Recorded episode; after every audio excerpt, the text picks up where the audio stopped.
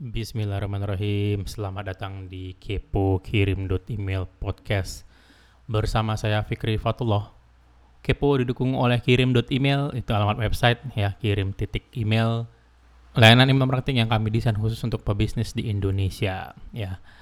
Nah, Anda bisa dapat diskon khusus untuk berlangganan kirim email silahkan dicoba. Ya, gunakan kode kupon KEPO, saya ulangi gunakan kode kupon KEPO, K-E-P-O saat anda mendaftar dan berlangganan untuk mendapatkan diskon 10%. Oke, kali ini saya kedatangan tamu yang sangat spesial, ya sahabat saya yang sudah cukup lama ya saya kenal dan tempat saya cerita banyak masalah bisnis ya. Jadi namanya Mas Rianto Astono, Anda mungkin mengenal beliau setelah salah satu video YouTube beliau tentang buka lapak itu booming ya. Videonya dan semua link yang saya sebut dalam percakapan kali ini nanti akan ada di kepo.blog itu alamat website ya. Silahkan ke kepo.blog terus cari Rianto Astono untuk mendapatkan semua yang kami sebutkan dalam podcast ini. Ya jadi saya ngobrol dalam rangka launching buku beliau ya. Judulnya copywriting. Jadi ini buku sesuai judulnya buku menulis iklan ya atau copywriting dan saya dulu pertama kali kenal dengan Mas Rianto itu waktu beliau ke Bandung. Tiba-tiba beliau menghubungi saya dan datang ke Bandung. Ya saya sudah pernah sebelumnya berkomunikasi ya melalui Telegram dan lain-lain, tapi belum pernah ketemu langsung. Tiba-tiba beliau datangin saya untuk saat itu terlibat dalam proyek buku beliau berjudul Newbie ya. Dan saya kaget karena buku Newbie itu beliau mengundang pebisnis-pebisnis online yang gede-gede ya, ada Rico Huang, ya ada Albert Leonardo dan lain-lain dan saya ngerasa belum cocok nongol di situ. Tapi dan saya sempat ragu ya mau masuk, tapi Mas Rianto meyakinkan udahlah Mas, masuk aja udah nggak apa-apa. Dan beliau sampai bela-belain datang ke Bandung ya untuk interview saya saat itu yang masih tinggal di Bandung saat itu ya. Singkat cerita ya kami nyambung banget ya dari obrolan yang di Bandung itu kami sangat nyambung ya dan dari situ komunikasi jalan terus ya. Dan saya uh, ngobrol terus dengan beliau dari Bandung itu dari selesai wawancara. Dan beliau bikin video uh, mulai terjun ke YouTube. Dan itu luar biasa bagus sekali video sampai saya Telegram waktu pertama kali muncul. Saya bilang mas ini bagus banget saya bilang. Dan tidak lama beliau juga punya satu visi dengan saya ya. Yaitu tidak ada list, tidak ada bisnis intinya begitu ya list itu database pelanggan ya. Nah itu mungkin yang bikin kami nyambung mungkin ya. Uh, beliau juga penulis yang bagus, buku-buku beliau The Book of uh, Newbie dan tulisan-tulisan beliau itu termasuk YouTube-nya itu kalau anda perhatikan runut ya rapi gitu ya modelnya. Jadi uh, beliau emang jago nulis skrip menurut saya dan itulah kenapa saya undang. Ya, selain nanti kita bahas copywriting, bahas buku beliau, kita juga bahas skill-skill yang akan berkontribusi ke income atau ke pemasukan Anda di masa depan. Ya, jadi beliau bilangnya skill anti miskin di era 4.0. Apa artinya nanti akan kita bahas di belakang ya. Ya sudah, tanpa tunda-tunda lagi, ini dia percakapan saya dengan Mas Rianto Astono. Selamat menikmati. Ya, Mas Rianto Astono, sehat Mas? Sehat, sehat Mas. Sehat, wah mantap. Ini baru sembuh ya, tak culik loh. Iya, kemarin batuk pilek. Waduh. Nggak COVID karena nggak tes. iya, kalau sesuatu yang tidak kita tahu tidak akan menyakiti kita kan gitu ya. Betul. Yang penting banyak dahaknya kayaknya sih aman sih. Aman ya. Oke. Okay. Iya. Mas, Mas lebih suka aku identifikasi sebagai siapa? Contoh gini deh Mas, misalnya ya orang yang tidak kenal dengan dunia kita ya, apa pun dunia kita inilah gitu namanya gitu ya. Atau atau gampangnya gini deh, Pak Jokowi deh, Pak Jokowi ya. Misalnya nih ya Mas ya, misalnya aku kenal Pak Jokowi kan gitu ya Mas. Mm. Terus aku mau kenalin Mas ke Pak Jokowi nih. Pak, Pak, ini Mas Trianto loh. Beliau adalah seorang titik titik titik. Nah, itu aku jawab apa? Penulis. Penulis. Iya. Apa sebabnya Mas ingin diidentifikasi sebagai seorang penulis? Karena pekerjaan saya paling banyak setiap hari itu adalah menulis. Oke, ini menarik nih. Dan itu udah berlangsung lama sekali pekerjaan yang paling banyak kan bukan berarti yang paling menghasilkan toh? Uh, kebetulan untuk sekarang yang paling banyak menghasilkan ya dari tulisan. Oh ya? Iya. Ini menarik. Malah aku baru tahu Mas lebih banyak menghasilkan dari tulisan malah di sini. Iya, semua Iya. s income-nya malahan banyak tulisan. Oh wow, oke. Heeh. Termasuk buku-buku itu Termasuk buku-buku. Jadi kalau diakumulasi itu lebih banyak daripada say penghasilan YouTube atau jualan tools atau Kalau affiliate. YouTube itu harus dikesampingkan. Oke. Karena YouTube itu pure iseng aja. Duitnya cuma bonus doang. Definisikan iseng. Iseng itu karena saya udah punya tim yang ngerjain pekerjaan tasking setiap hari. Eh, saya cuma perlu cek email aja. Ah, tantangannya berkurang. Akhirnya saya pikir, ah, saya pengen deh eh, bikin YouTube gitu. Ah, Eh, pertamanya dari menjelaskan ke pegawai sebetulnya. Jadi dari tim itu biasa mereka kalau ada yang masuk itu saya jelasin gitu sesuatu. Nanti saya jelasin. Nah, yang awal pertama itu tentang Bukalapak. Itu tuh cerita saya sama ke anak-anak anak-anak itu gitu loh. Karena anak-anak baru, mereka masih muda, mereka nggak ngerti bisnis begitu. Itu saya ulang-ulang, ulang-ulang. Saya pikir, wah saya ngulang-ulang terus. Pengen ah bikin videonya biar orang yang lain juga bisa tahu ceritanya itu yang sering saya ceritain gitu. Eh nggak taunya bisa tembus satu juta lebih kan? Ya Iya, udah viral. terusin. Ya udah terusin gitu. Kalau waktu itu nggak tembus segitu ya nggak terusin saya. berarti berarti proses dalam proses produksi video itu Mas yang nulis skripnya sendiri. Iya, ditulis dulu baru dibaca. Saya nggak bisa spontan, Mas. Oh, oke bisa. ini menarik nih. Berarti Mas tulis terus Mas rekam suara, Mas rekam ke tim video, eh, Mas kirim ke tim video suaranya. Eh sekarang begitu. Dulu awal enggak, dulu edit sendiri semua. Oke. Heeh. Pak. Ini Menarik sekali nih. Oke Mas, balik ke buku ba- balik ke Ah. buku Mas. Sebelumnya selamat nih ya. Selamat atas launching buku copywriting ya. Ini buku Siap. keberapa Mas kalau boleh tahu Mas? Ini kalau untuk dijual online itu buku keempat. Tapi Oh, enggak kalau dong. sama Semuanya dong, sama Gramedia dong. 6 berarti. Buku ke-6 ya. Iya. Apa ini penasaran yang ini pertanyaan yang mungkin penasaran banget buat buatku pribadi Mas. Oh. Apa sebabnya nulis buku copywriting? Bukankah buku copywriting itu kalau boleh dibilang apa ya? Padet loh, apa sih ya? Banyak pesaing. Banyak ya? Saya Ya, malah kan- nggak tahu. Oh ya, iya. eh sebagai catatan gini Mas, 2020 yang masa pandemi itu Ah, saya nerima skrip 4 apa 5 skrip tentang buku- copywriting ya? Iya, tapi dengan berbagai macam judul ya. Ada yang hypno, Oh, iya, selling, iya. apa. Jadi skrip-skrip itu yang dikirim ke saya untuk dimintai testimoni lah gitu ya. Oke. Nah, itu itu yang ber- membuat saya berasumsi, oke, ini kayaknya buku copywriting banyak banget deh gitu ya. Ini apa yang membuat seorang Rianto Astono nulis buku copywriting kan gitu ya? Apa mas? Heeh. Sebabnya mas? Ya karena copywriting itu menurut saya itu fundamentalnya gitu. Untuk kita bisa marketing dengan cara yang paling murah, paling mempengaruhi orang, ya copywriting. Dan saya sebetulnya belajar copywriting itu belum lama-lama banget juga, mungkin baru lima tahun kemarin gitu ya. Nah dari itu semua trial error yang saya belajar ini itu ini itu eh, saya kumpulin gitu, saya kumpulin terus ya udah tak tulis aja bukunya. Kok sekarang mas urgensinya apa? Maksudnya kan ya lima tahun itu kan waktu yang lama ya mas ya. Hmm. Apa yang membuat urgensinya itu, wah ini harus sekarang deh, ini waktu terbaik nulis buku copywriting itu sekarang. Nah apa yang, apa urgensinya itu mas? Eh, nggak ada urgensi mas. Sebetulnya kebetulan dia ada di list aja. Jadi Oh, oke. iya karena saya udah udah dua tahun kemarin puasa nulis buku. Jadi kebetulan tahun tahun ini itu eh, banyakan di rumah aja. Terus juga saya lihat apa sih yang eh, jadwal buku selanjutnya nih. Oh ternyata copywriting gitu ya. Ya udahlah saya tulis aja deh gitu. Target Mas beresin semua jadwal buku ini berapa lama? Dan kalau boleh tahu ini ada berapa list, ada berapa judul buku dalam list yang belum ditulis nih Mas? Ada, ad- sekarang ada dua nih sisa. Oke. Ah, yang satunya bentar lagi nih mau ditulis juga nih. Targetnya kapan? Kalau bisa tahun ini, cuman yang sekali ini pengennya di toko buku. Oh, oke. Ah, ah. Oke. Eh, apa yang Oh, yang me- membuat Mas gimana? memutuskan ini ini toko buku ini online? Nggak ada sih, Mas. Kalau saya tuh random aja sih, nggak terlalu banyak dipikirin begitu. Oh, oke. Ah, ah. Padahal dalam dalam proses produksi Mas tidak bisa random ya. kalau produksi ya nggak bisa random. Cuman kalau ya kalau yang buku tuh ya saya pikir oh ini kayaknya udah kelamaan nih online terus nih. Online kalau jual langsung duitnya banyak. Hmm. Kalau toko buku nggak dapat duit. Tapi ya sekali-sekali pengen yang nggak dapat duit deh.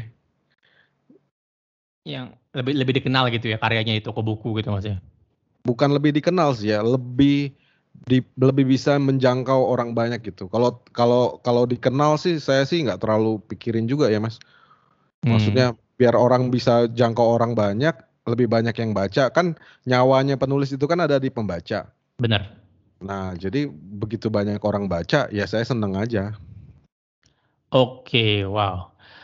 Nah saya orang yang yang boleh dibilang gitu dan mungkin ini mewakili beberapa teman-teman karena sebelum kita ngobrol ini saya ada posting pertanyaan di di Instagram Stories untuk ayo yang mau nanya Mas Rianto saya mau bikin podcast bareng beliau nih saya bilang. Ya. Nah eh, salah satu ya mungkin yang juga saya alami lah ya. saya saya nggak ngerasa saya seorang penulis yang bagus mas. Ya okay. kadang kadang saya juga kok. nah lebih spesifik lebih spesifik lagi itu di copywriting. Artinya saya nggak ngerasa saya orang saya seorang copywriter yang bagus gitu loh. Okay. Nah, saya sering malu membaca hasil tulisan saya sendiri, tapi yang saya malu membaca itu kadang closingnya bagus gitu loh. Satu yeah. sisi, satu sisi saya kadang bangga dengan sebuah skrip. Wah ini skrip paling fenomenal yang pernah ada di muka bumi ini kan gitu. Mm -mm. tapi closingnya nol gitu. Yeah. Nah, yeah uh, jikalah Mas bisa memberikan nasihat ke saya atau mungkin ya teman-teman copywriter yang juga nanya pertanyaan mirip-mirip sama saya barusan ya. Apa iya. nasihat yeah. itu Mas? Nasihatnya yang paling simpel adalah uh, copywriting itu bukan tentang kita atau tulisan kita gitu loh. Hmm. Copywriting itu adalah tentang orang yang baca. Jadi sebagus apa pun kita menganggap tulisan kita, tapi kalau orang yang baca nggak merasa itu nggak bagus, ya nggak bagus aja. Gimana caranya dapat uh, kita tahu kalau orang baca itu ngerasa bagus, ya nggak semua orang akan terima pasti. Pasti penerimaan setiap orang beda-beda gitu. Tapi kalau kita memenuhi unsur-unsur yang berhubungan dengan psikologi manusia yang udah di riset gitu berdasarkan uh, anatomi otak kita, kimia di dalam tubuh kita gitu, tentang emosi dan lain-lain, harusnya sih bisa diterima gitu loh. Jadi begitu aja patokannya. Jangan dari kita, tapi patokannya dari orang berdasarkan dari ilmu-ilmu saintifik yang udah diteliti gitu. Hmm. Oke. Okay. Hmm. Dari sekian banyak buku yang Mas tulis sampai hari ini, ya. Apa buku yang Mas paling senang nulisnya atau paling bangga sama hasilnya? SEO, The Book of SEO. The Book of SEO, wah saya punya tuh. Apa sebabnya Mas? Ya, karena itu aku banget mas. Hmm. Ya. Definisikan definisikan Dan aku itu, iya karena kalau bisnis saya itu kan mostly semua pakai SEO dan saya nulis itu cepet banget karena udah di luar kepala semua. Hmm. Jadi nggak nggak perlu riset berlebihan, nggak perlu mikir berlebihan enggak, gitu. enggak, enggak, enggak, enggak perlu. Dan itu yang paling itu yang paling tebel. Kalau saya tuh nggak tahu obsesi sama buku tebel, Mas. Aku obsesi sama buku tebel. Pengen banget lihat kalau orang bikin kayak kayak Pramudia Anantatur gitu buku tebel-tebel gitu. Waduh, gimana nih orang bisa nulis buku tebel gini ya? Hmm. Tapi itu relatif tipis juga, bukan maksudnya dibanding dibanding kalau dibanding buku saya semua itu yang paling tebel. Jadi the book of SEO ya. Jadi yang uh, itu masih dijual, Mas?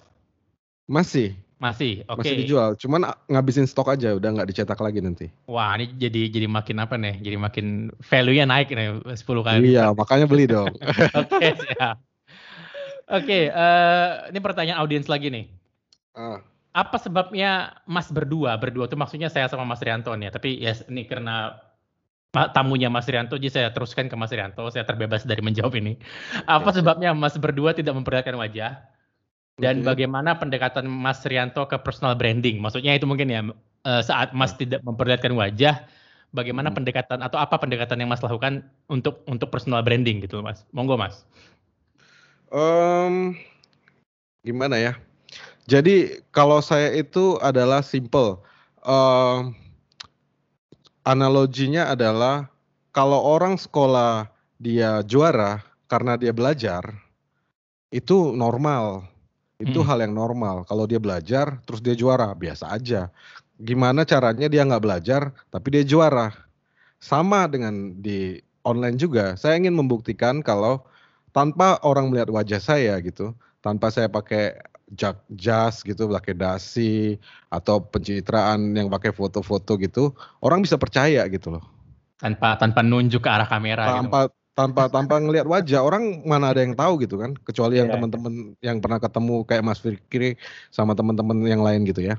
Iya, iya. Tapi maksud saya tuh, saya ingin membuktikan itu gitu loh. Itu satu. Yang kedua, saya itu orangnya adalah kalau saya mengidolakan satu orang gitu, me menyenangi satu, eee, figur atau orang atau grup atau apa gitu, saya nggak akan pernah ketemuin orang itu. Hmm. Karena saya takut kecewa. Oke.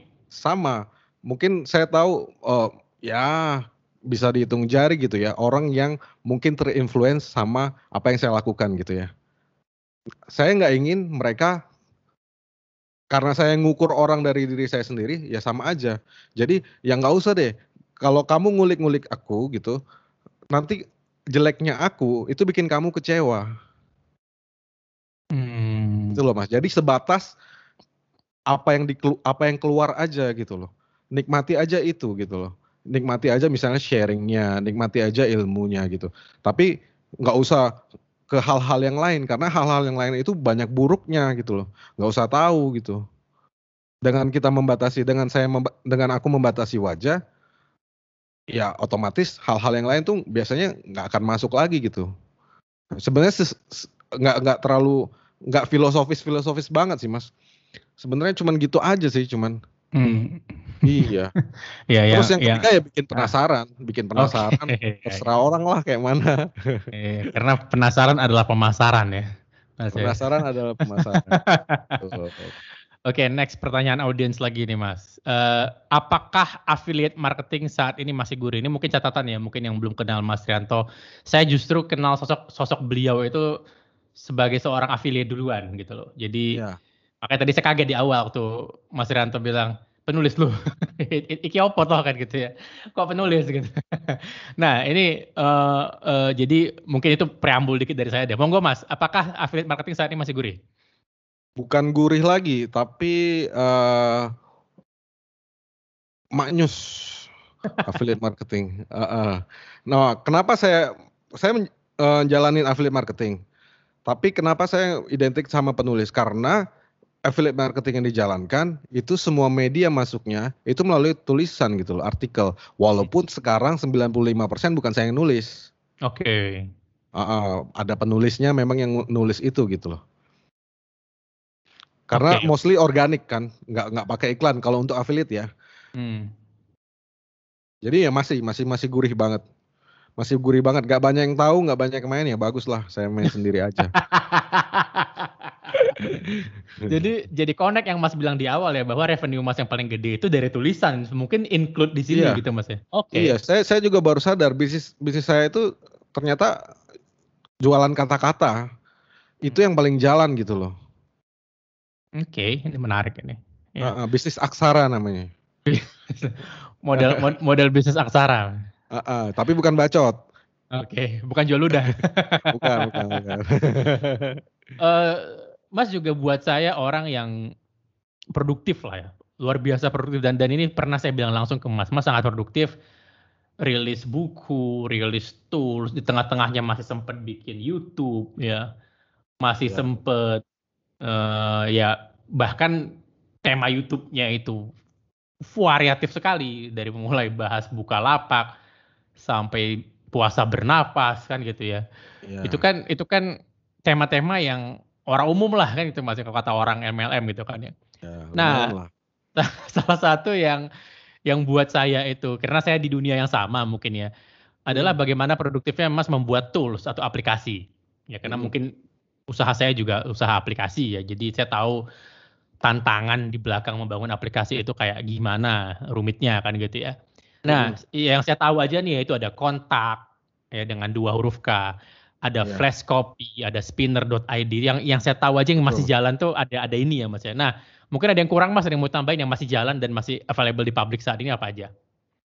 Eh, tools tool toolnya ya, ya kotak, uh, sender, spinner, kemudian ada flash copy, kemudian kayaknya udah deh. Empat ya. Nah, bisa dijabarkan eh, sedikit mas kontak itu apa? Flash copy itu apa? Mulai dari kontak deh. Kontak itu apa? Oh, kalau kontak itu kayak Linktree Link tree ya. untuk uh, uh, untuk bikin multi link di satu halaman itu biasanya dipakai untuk di Instagram. Oke, flash copy. Kalau flash copy itu uh, project eksperimen sebetulnya. Jadi uh, itu kumpulan template-template untuk copywriting. Jadi Hmm. sebelumnya saya kasih bonus itu bentuknya PDF, isinya isinya template copywriting banyak banget gitu, ada 500 gitu. Itu kan susah dicarinya. Ya. Kemudian saya coba ekstrak itu jadi tool gitu loh. Jadi orang tinggal masukin aja kata-kata kunci, nanti otomatis keluar ya persis sama seperti di PDF itu. Kalau sender mas, Kalau sender itu buat WhatsApp Blaster, spinner. spinner buat spin tag artikel Indonesia. Oh, Oke, oke Indonesia ya. Indonesia. Oke. Khusus eh, Indonesia dan nggak mendukung Spintex. Salah satu postingan Mas yang cukup menarik adalah skill-skill anti miskin di era 4.0. Ya. Ada enam skill yang Mas tulis di Instagram. Nanti link dan tadi semua tools yang disebutkan sama Mas Rianto dan semua link eh, yang saya sebutkan di sini termasuk ke link ke postingan Instagram ini itu ada di podcast notes-nya. Jadi silakan ke kepo.blog search aja ri- nama Rianto Astono. Semua link yang saya sebut ada di situ ya. Nah, ada enam skill yang Mas tulis yang menjadi skill-skill anti miskin di era 4.0. Yang pertama menulis, yang kedua desain grafis, yang ketiga coding, Ya. yang keempat video editing, yang kelima public speaking, yang keenam digital marketing. Bener ya Mas ya? Betul kayaknya. Saya Nah. juga agak lupa sih. Oke, Ah. nah. Ini tolong saya dikoreksi Mas ya. Jadi ini adalah skill-skill yang bernilai tinggi lah kalau boleh dibilang begitu ya. Ya. Nah, definisi saya, skill yang bernilai tinggi adalah pekerjaan yang tidak atau skill yang outcome-nya atau hasilnya tidak mudah diduplikasi oleh mesin. Oke. Benar ya Mas ya? Itu itu itu definisi saya Mas. Mohon nanti ditambahin atau dikurangi itu dikoreksi Mas ya. Nah, contoh misalnya kita ya with all due respect ya dengan segala rasa hormat tapi misalnya kita contoh masang baut di mobil gitu ya. Mm. Eh, itu kan bisa diduplikasi sama mesin ya. Contoh Ya. ngelas, ngelas sudah yang robot yang ngelas gitu ya. Nah, Ya. skill-skill yang Mas list di sini ada enam tadi itu beberapa juga sudah mulai diambil alih sama mesin. Ya. Oke. Contoh sekarang sudah ada writer berbasis AI atau Oke. artificial intelligence atau kecerdasan buatan. Ya. Yang yang kami juga pakai di kirim email gitu loh Mas. Oh, kami, iya? kami sendiri pakai. Ah, jadi eh, banyak sekali tools eh, karena mungkin la- la- latar belakang sedikit ya bagi Anda Anda Anda pendengar yang mungkin belum tahu ya. Jadi Elon Musk itu Tesla itu ngerilis bareng timnya itu ngerilis namanya OpenAI ya, Hmm. yang di mana salah satu produk OpenAI ini adalah namanya GPT-3, GPT-3 ya. Mm-mm. Nah, itu gara-gara keluar teknologi GPT itu, T3 itu sekarang banyak sekali aplikasi menulis berbasis AI. Ya, Mm-mm. ada Jarvis, ada Ya. eh, Closer Copy segala macam banyak sekali. Nah, Banyak. yang outcome-nya makin sini makin bagus, bener ya Mas ya kalau Mas pakai ya. Iya, saya udah pernah coba juga beberapa. Hmm, ya kan. Nah, Bagus. AI writer artinya penulis terancam tanda petik Mas ya. Penulis terancam nih kan gitu ya. Terus Mm-mm. Gelombang selanjutnya ada namanya MGC atau Machine Generated Content. Jadi Oke. konten yang dibuat sama mesin. Jadi videonya, visualnya itu konten yang apa mesin yang gabungin. Ya. Jika kita butuh sosok atau misalnya kita butuh katakanlah butuh apa namanya stock image, Ah, maka si mesin itu akan nyariin. Jika kita butuh sosok people yang supaya tidak kena dengan tuntutan hukum, maka Hmm. si mesin akan men- menghasilkan atau mengenerate wajah dari yang tidak ada kesamaannya di muka bumi gitu loh. mm-mm. Ya. Nah, yang kemudian digabung sama si mesin itu jadi video. Walaupun Hmm. mungkin dari saya cerita ini versinya versi oversimplifikasi tapi menuju ke sana MGC-nya gitu, Mas. Yes. Nah, Ah, Melihat gelombang ini, Mas, apakah yang Mas sebut skill-skill anti miskin ini masih akan relevan dalam tiga tahun, lima tahun ke depan? Karena kan ini belajarnya tidak mudah ya, Mas. Maksudnya menjadi seorang copywriter itu tidak mudah, gitu, Mas. mm-mm. Nah, jangan sampai nanti kan tiba-tiba kita udah nguasain skillnya, eh digantiin mesin, kayak gitu ya. Mm-mm. Nah, gimana menurut Mas? Uh, kalau menurut saya sih harusnya sih masih relevan ya, karena mesin itu robot uh, eh, AI itu secanggih apa pun tetap tidak bisa menggantikan manusia untuk dalam hal uh, hal-hal tertentu gitu loh. Jadi Contohnya, Mas? Ya saya saya juga nggak nggak terlalu bisa spesifik mas. Cuman maksud hmm. saya gini loh. Uh, menurut saya mesin itu nggak bisa bikin tulisan seperti tulisan saya gitu. Ah oke. Okay. Gitu. Menarik. Dan karena karena referensinya beda, stylenya beda. Walaupun dia semakin pinter ya. Iya. Tapi sepinter-pinternya dia, ya kalau saya sih kalau adu tulis sama mesin sih saya berani gitu. Berarti mungkin mungkin maksudnya Mas gini ya, karakter gitu ya. I, uh, style ya. Style ya. Justru uh, justru dengan kehadiran mesin manusia itu merindukan sentuhan manusia gitu. Leb, akan lebih merindukan sentuhan manusia. Karena saya yakin suatu saat orang akan nek gitu sama mesin seperti misalnya kalau kita dapat telepon dari apa dari kartu kredit gitu ada tagihan gitu sekarang kan udah pakai pakai robot semua tuh ngomongnya pakai robocall ya. Iya, iya. Jadi yeah. saya tuh males banget kalau angkat begitu. Dengar itu halo itu. Wah, saya langsung yeah, matiin kalau bukan benar. manusia ya. Ya, kalau manusia walaupun males juga ngangkatnya masih lah diajak ngomong-ngomong. Kalau apalagi kalau suara mbaknya bagus gitu kan. beda, beda. Jadi semakin mesin mendominasi walaupun dia semakin pintar, semakin manusia akan mencari yang original bikinan manusia gitu. Menurut saya gitu. Jadi maksudnya adalah skill-skill ini robot mengerjakan tugasnya untuk untuk misalnya dia bikin ya tulisan kan banyak macam ya mas tulisan-tulisan biasa gitu ya mungkin robot bisa gitu tapi kalau udah tulisan yang untuk mempengaruhi orang tulisan yang detail tulisan yang uh, banyak sumbernya kemudian di, di, di, di, dimasak diolah sehingga jadi satu uh, yang bisa dibaca dengan enak saya pikir sampai kapan pun robot nggak bisa ngelakuin itu Menarik. Berarti uh, mungkin menulis akan jadi sesuatu yang handcraft ya, artinya ya kayak apa ya kayak sekarang kan ya mobil ada yang mobil bikinan pabrik, ada yang mobil bikinan tangan yeah. gitu loh mas, ya kayak mungkin, Rolls ya. Royce gitu. Mungkin akan seperti itu ya mungkin. Ya. Mungkin ya. Kalau saya ini termasuk salah satu orang yang nggak nggak nggak terlalu seneng sama robot-robot sih. Iya, kayak misalnya refleksi kaki gitu, saya suka tangan orang gitu daripada mesin. mesin monoton mas. Oh, gitu, -gitu iya, doang. Heeh. Gak tahu ntar kalau ada AI mesinnya ya, yang dia bisa tahu di mana sakitnya ya, mungkin ada sih. Cuman mahal lah pasti. Analoginya refleksi kaki loh. iya, karena saya baru beli apa istri saya baru beliin itu, saya pakai oh. tiga hari, aduh bosen saya bilang. Oke, Mas, ini dari pemantauan sekilas ya orang luar ya. Ah. Uh, mas seperti menguasai semua skill yang yang tadi Mas sebut. Mas seorang ya. penulis, Mas punya video YouTube, ya artinya Mas menguasai video editing, public speaking ya Mas menulis skrip yang bagus, Mas mendeliver dengan baik, ya digital marketing. Public speaking saya nggak bisa. Ya, tapi at least skillnya Mas punya lah gitu, kan Mas ya. Enggak, justru saya paling nggak bisa oh, ya? public speaking Mas. Iya. Oke. Okay. Saya nggak bisa. Oke, okay, uh, eh, Mas juga menguasai digital marketing, terus Betul. desain grafis, ya sudahlah kan gitu ya. Ya. Uh, dan coding Mas punya banyak aplikasi. Lagi ini saya, saya memandang dari luar Mas ya sebagai orang awam ya. lah dari luar. Nah, Siap. Uh, bagaimana Mas atau cara yang Mas lakukan untuk mengakuisisi skill-skill itu dengan cepat, secepat mungkin gitu loh. Okay. Apa triknya Mas? Apa yang Mas lakukan? Gini loh, uh, that's gini loh Mas. That's why saya memilih, eh saya bilang saya ini adalah seorang penulis. Hmm tidak semua apa yang saya bahas, tidak semua apa yang saya share itu saya kuasai. Oke. Okay. 100%. Jadi itu sama kayak misalnya Jim Nestor gitu, wartawan, dia nulis tentang uh, apa samudra gitu ya, kehidupan di bawah laut. Ya dia yang mana ngerti tentang itu gitu loh. Dia observasi, kemudian dia karena dia seorang uh, wartawan, dia menuliskan. Jadi hmm. justru karena seorang penulis, jadi skupnya bisa ke mana aja gitu. Bukan berarti saya menguasai semuanya. Jadi tugas penulis hanya deliver pesan dari apa yang sudah dia riset gitu. Bisa risetnya baru kemarin gitu loh. Hari hmm. ini bisa di-share ke orang gitu. Dan dari sumber-sumber banyak sumber gitu. Cuman gayanya aja yang dibuat sesuai dengan style penulis masing-masing gitu.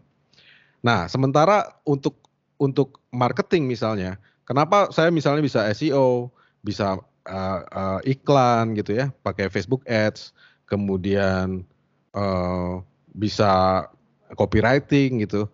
Ya karena menurut saya semua itu jadi satu kesatuan gitu.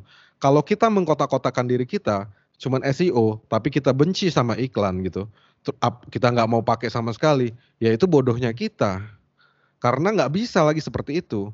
Kita butuh semua channel untuk menja untuk menjangkau lebih banyak orang gitu. Jadi kita perlu untuk belajar semuanya. Dan menurut saya semua itu bisa dipelajari satu-satu dengan dalam, dengan detail, dan nggak perlu kita untuk anti sama yang lain gitu. Dan bisa banget untuk bisa misalnya email marketing sama SEO gitu sama copywriting, ya itu kan bisa satu set gitu ya. Iya bener bener. Ya kayak gini loh. Jadi saya kasih contoh satu keuntungannya. Orang yang cuman cuman main paid ads, yang cuman iklan berbayar, misalnya Facebook, ketika dia punya produk baru, satu-satunya jalan yang bis, yang bisa dia tempuh cuman panasin audiens, Betul. bakar duit dulu buat cari audiens. Kalau saya enggak, saya selalu dapat audiens dari organik dulu. Hmm. Dari organik masuk, audiens itu yang saya jadiin look like audience gitu.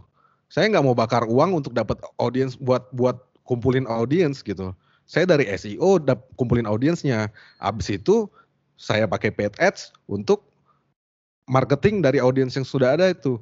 Karena apa saya bisa ngelakuin itu? Karena saya bisa SEO dan saya bisa paid ads. Kalau orang cuma satu aja, dia nggak akan bisa ngelakuin itu gitu loh ini ilmu dibilang susah, ya susah gitu. Tapi kalau mau belajar ya bisa aja. Dan bisa gitu, satu orang untuk menguasai ilmu digital marketing yang banyak itu menurut saya bisa. Oke. Okay. Mas kan uh, ya lagi Mas ya, Mas sangat produktif nih Mas. Nah, kalau nah. boleh di, dikasih kami ngintip dikit Mas, sah, kesehariannya seorang Rianto Astono, soalnya kan ada nah. YouTube, berarti kan ya. Mas harus harus nulis skrip lah paling enggak nih nulis skrip lah gitu Mas ya. Terus rekaman suara, Terus Mas juga punya aplikasi yang di mana ya aplikasi harus dikontrol, harus dibikin kalau mau bikin yang baru. Terus masih bisa nulis yeah. buku. Mas tadi sendiri bilang tahun ini pengen launching buku lagi. Betul. Jika jika pun lah saya Mas punya skillnya Mas ya, saya punya skillnya, saya bisa ngedit video deh, saya bisa ini bisa itu. Nah bagi waktunya gimana? Jadi Mas sehari-hari bagi waktunya gimana Mas? Saya tuh sehari-hari itu banyak santai Mas malah. Oke, okay, iya Mas. Betulan. Karena saya saya ngerasa saya perlu menyerap banyak hal gitu supaya bisa keluar banyak hal lagi ya. Jadi hmm sehari-hari itu saya banyak banyak baca, banyak nonton. Ini barusan nonton Squid Games nih sampai habis nih. Kan lagi seru tuh film apa Korea itu. Yeah, ya, yeah. message-nya bagus sih, cuman ya begitu aja sih. Nah, untuk dapat referensi-referensi gitu. Sisanya ya saya tulis, kemudian biasa cek email. Kalau email itu kan kalau kita set semua di email kan Mas Fikri kan tahu juga kan. Iya, yeah, iya. Yeah uh, bunyinya kerincing-kerincing gitu ya, duit masuk itu di email semua ya. nah, sudah, gitu aja. Kalau kesibukan saya di kantor itu interview. Oke, okay. interview uh, orang baru maksudnya? Iya, itulah kesibukan saya. Kalau yang lain saya nggak nggak terlalu gitu. Interview orang itu ya orang datang dan pergi kan namanya perusahaan kecil, begitulah mas tantangannya kan. Apa, apa yang membuat sampai hari ini Mas masih langsung menginterview orang baru? Maksudnya tidak menyerahkan ke bagian Oh, sudah. Air. Saya serahin ya. sama filter. Ada oh, ada okay. filternya. Sisanya kan dapat nih, sudah dapat sisanya ya. baru saya. Oke, oke, oke, oke. Ah, nggak semuanya difilter dulu. Soalnya kalau semuanya banyak zong, Mas. nah, terus saya terusin dikit lagi, Mas. Mau nggak, mau nggak, mau nggak. Saya itu pernah leye-leye gitu, Mas maksudnya yang sekarang ini saya baca segala macam buat saya itu nggak nggak nggak nggak leye-leye gitu loh. Itu uh, sebuah proses produktif gitu. Saya pernah suatu ketika leye-leye gitu, leye-leye uh, masuk ke dalam rumah lagi covid gini loh. Uh, jadi aktivitas semua semua di rumah nggak ke mana-mana kan. Hmm. Berapa hari gitu, saya nggak tahan gitu kan. Waduh, kalau nggak nggak nggak ngapa-ngapain tuh nggak baca atau nggak nulis gitu, nggak nyari-nyari referensi atau nggak ngutak-ngatik iklan itu rasanya kok nggak enak gitu. Saya sampai bilang sama istri sama anak-anak saya gitu, oh kalian kok tahan banget ya, cuman main iPad gitu mas. Apa maksudnya memang memang suasana lagi santai ya. Kalau saya nggak bisa terlalu lama begitu gitu loh. Saya harus ngerjain sesuatu. Makanya saya ah bikin ini ya, coba coba cari-cari kontak gitu. Ah, Ada talent mana, talent mana gitu. Ah, Gitu. Tapi kalau kalau overall keseharian saya santai banget. Saya ini pengangguran kelas tinggi. asik. iya. Bener-bener, Mas. Oke Mas, eh, balik lagi ke YouTube tadi Mas. Eh, Ya. kalau boleh tahu proses Mas bikin YouTube bagaimana? Dari mulai keputusan untuk ah bikin ini ah gitu ya. Nah itu datang dari mana keputusannya? Apakah Mas riset dulu atau memang mungkin ya maaf lagi nongkrong-nongkrong di depan rumah kena-kena angin gitu kan ya? Eh bikin ini ah gitu kan ya? Atau atau memang Mas riset abis dalam-daleman gitu kan ya? Wah ini penting banget nih. Terus Mas riset dalam, terus Mas jadiin konten. Nah prosesnya bagaimana sampai dia jadi video Mas? Eh, proses kalau untuk YouTube itu adalah kan ide bisa dapat dari mana aja, Mas. Ya, Kita lagi bengong, kita lagi ngobrol sama temen gitu ya. ya. Kita lagi baca apa gitu. Ya setiap kali dapat ide ya saya catat biasanya. Pakai Todoist kan, masukin gitu ada satu segmen khusus YouTube gitu. Ide-idenya masuk sem- semua di sana. Kemudian ya udah nanti tinggal pilih aja kapan lagi kepengen bikin, saya tinggal pilih aja mana yang mau dibuat ya. Oh ini aja deh. Ya udah setelah itu dibuat, tapi at least biasanya yang saya masukin itu saya udah kurang lebih paham gitu loh. Oh temanya tentang itu. Tinggal saya dalemin aja. Nah Hmm. ketika proses menulis itu riset terjadi. Jadi nulis sambil research, sambil baca, cari referensi. eh abis itu ya ya nyusun kata-katanya itu yang lama ya Hmm. kesimpulannya kayak mana biar orang bisa hook gitu nggak nggak nonton 10 detik terus matiin gitu Benar. ya ya itu itu itu proses yang lama. Setelah skrip jadi ya tinggal take voice. Take voice juga lama saya karena saya ngulang terus itu. Saya tuh eh, lidahnya kepletot mas. Iya lidahnya agak agak kaku ya kurang olahraga kali ya. Jadi take voice gitu. Nah habis voice ya habis Ya, itu tinggal diedit selesai. Itu mas prosesnya. Vi- visualnya gimana? Berarti semua visual itu tim yang masukin. iya untuk sekarang iya. Kalau Oke. dulu saya sendiri semua dari awal Tapi stylenya mirip ya. Berarti Mas ada guidance gitu ya, visual guidance tim. Iya, suruh dia nonton yang video saya. Oh, oke oke. Proses juga sih. Oke, eh, tiga judul buku yang Mas baca berulang setiap tahun. Atau buku Waduh. yang paling berdampak besar buat Mas lah sampai mungkin Mas bacanya berulang gitu. Kalau sekarang sih yang bukunya Brad ya, Jim Nestor itu itu lagi bener-bener eh, bikin kepala saya mendidih itu. Saya udah baca tiga kali itu kayaknya. Berat ya. Iya. Yang yang bernafas untuk kesembuhan itu. Iya, iya. Jadi saya mungkin mikir ah kayaknya salah kalau mikirin olahraga apa mikirin atau itu mikir napas aja leh, gitu. Hmm. Kedua So, Mas, Apa ya? Originals? Adam Grant. Oke. Ya, apa yang bikin apa yang bikin buku itu spesial? karena itu banyak me ya mind blowing juga banyak mengubah apa yang saya sebelumnya kiranya oh begitu nggak taunya enggak Oke, next Mas, yang ketiga Mas. apa ya buku buku em buku bisnis ya Monggo apa aja sih Mas? Berat tadi bukan buku bisnis. oh ya bukan ya ya bukan. oh oh, tapi fiksi boleh nggak Boleh, monggo, silakan. boleh boleh saya paling eh, kalau yang mengubah hidup saya yang dulu pengen saya bikin jadi jadi penulis kemudian saya seneng banget tulisannya itu Iwan Simatupang Iwan. ziarah Oke. nah mas tahu nggak mas Fikri Nggak tahu Mas beneran. nggak tahu ya iya buku ziarah Iwan Simatupang Itu itu fiksi berarti. fiksi banget itu Oke. tentang tentang apa eh, tentang eksistensialisme Wow. Kok dalam Ya. banget Mas?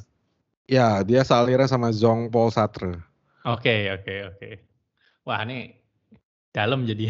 Oke. Iya. Oke, Mas. eh, menuju ke pertanyaan-pertanyaan terakhir nih. Jika ada nasihat untuk orang yang hari ini, Mas, akan terjun dalam dunia affiliate atau bisnis online, ya seperti Mas lah ya. Iya. Tiba-tiba dia mungkin terinspirasi sama Mas Rianto. Ah, aku pengen jadi kayak Mas Rianto. Aku akan bikin YouTube. Aku akan Iya. jadi affiliate. Aku akan jadi penulis. Nah, apa nasihat yang akan Mas berikan ke beliau? Em, Satu aja, Mas. Satu aja. satu aja ya hanya bisa satu. Nah, ini makin seru nih. Ntar dulu. Nasehat untuk orang yang masuk Ya. bisnis online. Hari ini dia baru memulai. dia datang ke Mas gujuk-gujuk, Mas aku mau mulai hari ini aku harus ngapain? Heeh.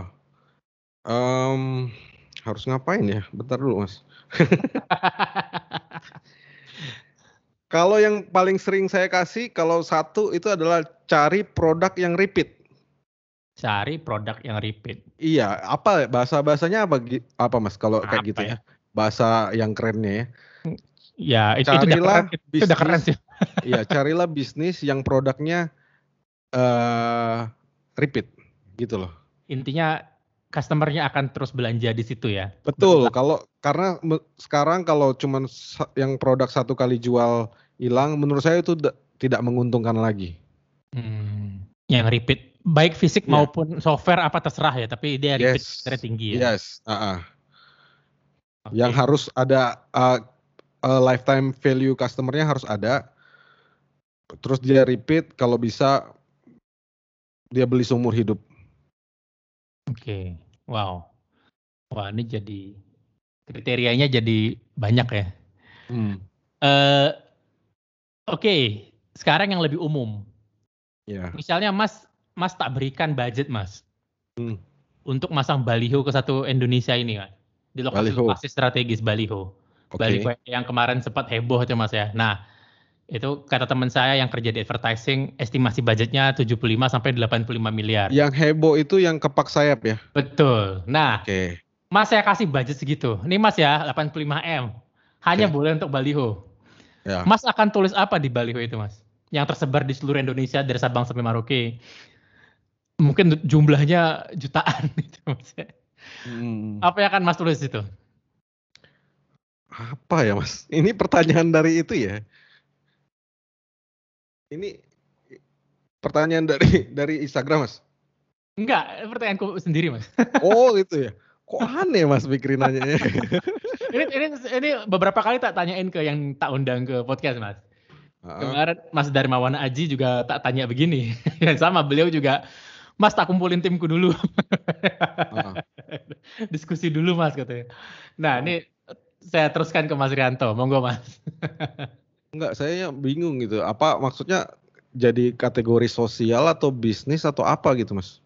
Artinya mungkin generic message Mas ya, maksudnya Oh satu pesan generic heeh, message. satu pesan yang itu satu sisi dia Mas Rianto banget isi pesan itu, Heeh. tapi satu sisi lagi misalnya ada pemotor terus dia berhenti di lampu merah di perempatan dia ngelihat baliho itu, "Oh iya Mhm. juga ya." Nah dia terinspirasi gitu loh, "Oh iya juga nih bener juga yang dia bilang nih." Nah gitu, apa itu Mas Mhm. kira-kira? Waduh Mas, susah ya Mas, pertanyaan ini.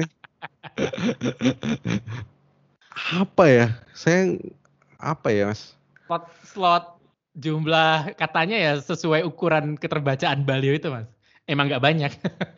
Iya iya iya iya iya. Apa ya? Eee, Ayo Mas. mungkin salam kompak selalu deh Mas. Salam kompak selalu, oke. Iya, kalau spontan ya begitulah, Iya. salam kompak selalu deh kayaknya paling aman deh. Aman ya. Oke Mas, eee, jika pendengar di podcast ini mau kenal lebih lanjut dengan Mas Rianto, mau melihat semua karyanya, mau beli aplikasi mungkin atau tadi mau beli buku The Book of SEO Mmm, yang stok-stok mhm. terakhir yang mulai menipis ini, dan Iya. mungkin mau ngobrol gitu Mas, mau ngobrol Mhm. langsung, mau nanya-nanya yang aneh-aneh kayak tadi, ke mana Mas menghubunginya Mas? Ya, kalau saya bilang sih ya sebaiknya nggak usah beli, nggak usah nggak usah cari tahu, nggak usah itu apa, nggak usah hubungin gitu ya. Cuman kan itu kan kayak apa aja gitu Mas ya. Jadi ya kalau web ya riantoastono.com, Oke. semua ada di sono. Kalau mau lihat porto bisnis di gaptex.com. Kemudian X ya? iya pakai X, gaptex.com. Oke. Kemudian kalau mau hubungin saya pakai email, karena kalau DM, eee, itu nggak pasti nggak saya bales. Oke, emailnya apa Mas? Eee, rianto@gaptex.com. Oke, siap. Ya, kalau Yes. WA nggak boleh. Oke. Khusus Mas Fikri aja sama cewek. Mas, terima kasih Mas waktunya Mas. Ya, makasih Mas Eee Fikri. Eee, insya Allah nanti semua tadi link yang disebutin sama Mas Rianto Anda bisa cek di kepo.blog. search Rianto Astono akan muncul semua detail episode ini. Jadi semua ngelink ke semua tempat yang kami sebutkan di sini. Mas Rianto sehat-sehat terus. Iya mas. Udah nanti. Sorry ya setelah- kemarin dan aku mas. Ya nggak apa-apa mas namanya kesehatannya Ya. harus sehat dulu lah mas lah. Ya. Ya, ya. Mas Fikri sehat-sehat ya. Sama-sama Enak mas. Jogja mas. Eh, enak, enak. Kalau enaknya enak, tapi ah, panas mas. Ya itu tadi obrolan saya dengan Mas Rianto Astono. Semoga Anda menikmatinya seperti saya. Sangat menikmati ngobrol dengan beliau selalu ya. Jika Anda ingin memberikan saran kepada saya, mungkin siapa yang harus saya datangkan atau saya undang selanjutnya ke Kepo, kirim email podcast, silahkan. Email saya terbuka, email saya publik, silahkan ke fikry, fikri, at kirim.email, ya, jadi fikry, at kirim titik email. Silahkan anda mau memberikan saran siapa yang harus saya undang atau mungkin Anda ada pertanyaan atau mungkin Anda pengen saya bahas topik apa di episode selanjutnya ya. Jangan lupa gunakan kode kupon KEPO, KEPO untuk dapatkan diskon 10% berlangganan produk-produk kirim email. Anda juga bisa mendengar seluruh episode Kepo ya di kepo.blog. Ya, jadi semua episodenya ada di sana. Itu aja mungkin dari saya. Sampai ketemu di episode selanjutnya insya Allah. Assalamualaikum warahmatullahi wabarakatuh.